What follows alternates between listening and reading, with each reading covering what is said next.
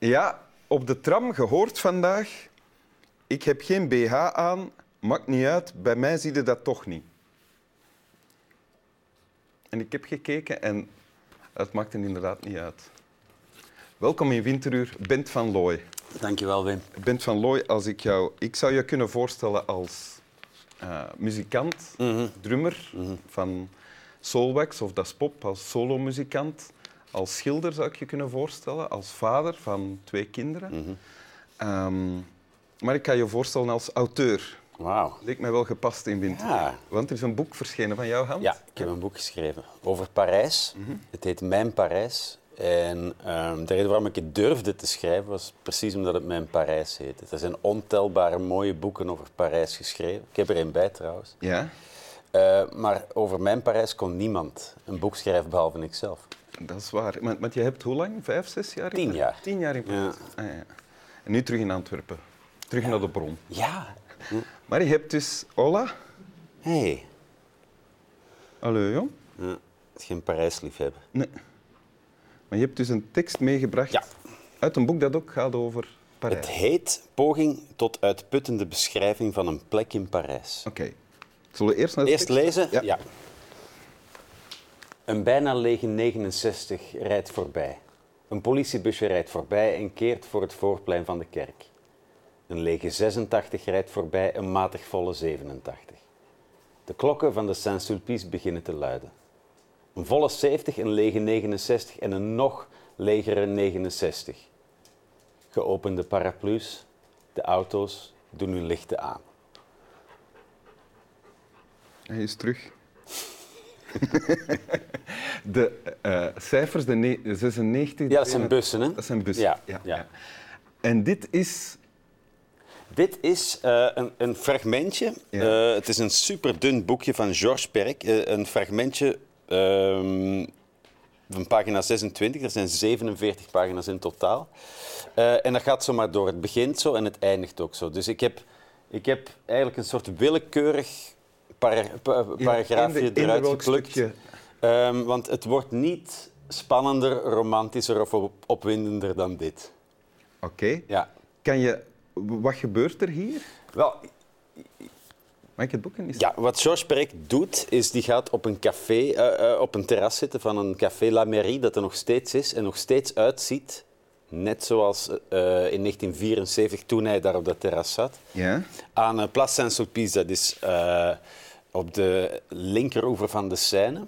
Klinkt alsof je de plek kent. Ik ken de plek en ik ken het café en ik kende het café voor ik het boekje kende. Dus dat is, dat is heel mooi. Ik heb daar ook op dat terras gezeten. En het is, een, het is een, een, een terras dat uitkijkt op een van de mooiste kerken van Parijs. Een fontein staat daar op het zogezegde voorplein. Eh, en daar rijden inderdaad bussen af en aan. Het is een, een gebeuren van je welste, heel veel duiven ook. En eh Georges Perec is gaan zitten op dat terras met een pen en papier. En die besloot om drie dagen lang daar te gaan zitten met een fles Vitel en eh, gewoon te beschrijven wat er gebeurt. En dat is wat er in dit boek staat. Meer niet.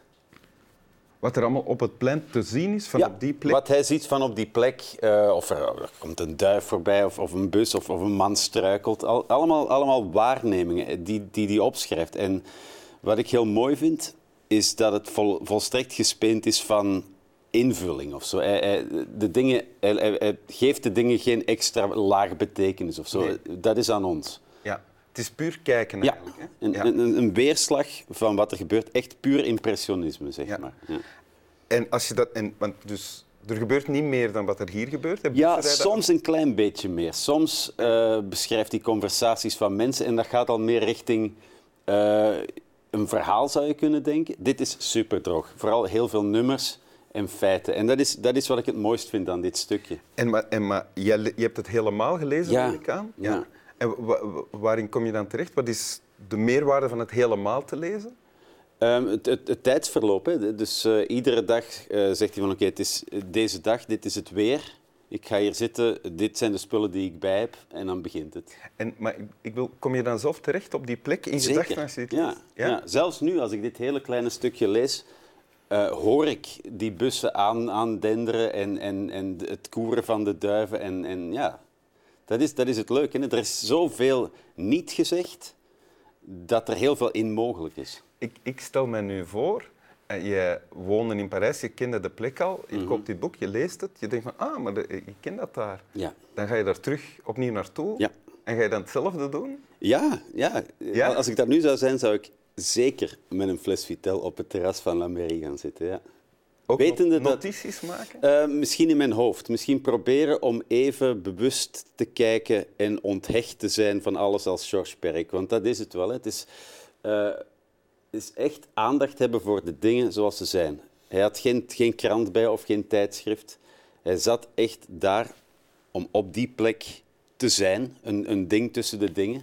En hij legt die dan vast. Het klinkt bijna als meditatie zoals je het nu beschrijft. Ja, ja, zo zie ik het ook echt. Ja. Eh, want dat, dat is iets wat heel moeilijk geworden is voor ons. In 1974 was dat misschien makkelijker om gewoon te gaan zitten en te zijn.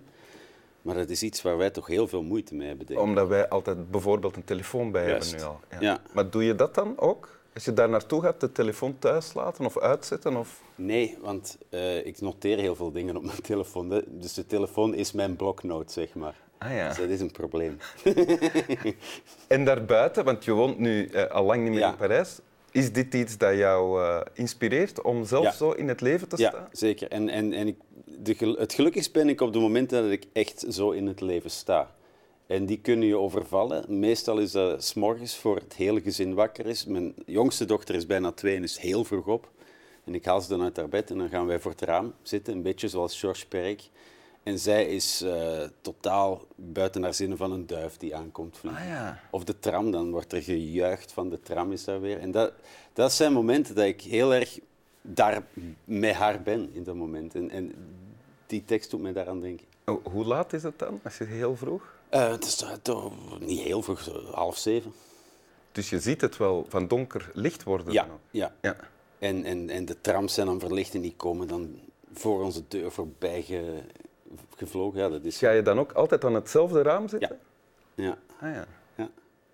En als je dochter te groot zal zijn geworden om dan... Dan denk ik dat ze die tegenwoordigheid van geest ook niet meer als vanzelfsprekend zal hebben.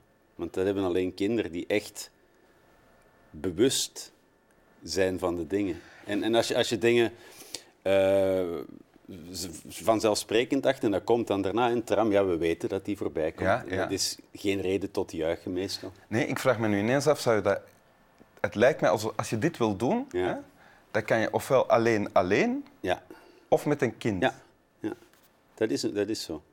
En ik denk met een kind is het nog makkelijker, omdat zij dat portaal voor jou openzetten. Snap je? Dan wordt het makkelijker om, Ja, om, ja, om ja. daar mee in te gaan. Of misschien kan het ook met een volwassene, denk ik nu, in het nabijzijn van een volwassene, als je vooraf afspreekt, we gaan niet met elkaar praten, een half uur lang. We gaan niks zeggen tegen elkaar. Interessant. Ja. Ja? Klinkt alsof we hier een afspraak voor een date hebben gemaakt. Wil je het nog eens lezen? Jazeker. We zien dat nog wel, hè, van die date, wat ervan Ja, ja. Een bijna lege 69 rijdt voorbij. Een politiebusje rijdt voorbij en keert voor het voorplein van de kerk. Een lege 86 rijdt voorbij, een matig volle 87. De klokken van de Saint-Sulpice beginnen te luiden. Een volle 70, een lege 69 en een nog legere 69. Geopende paraplu's, de auto's doen hun lichten aan. Dank u. Alsjeblieft. Slap wel.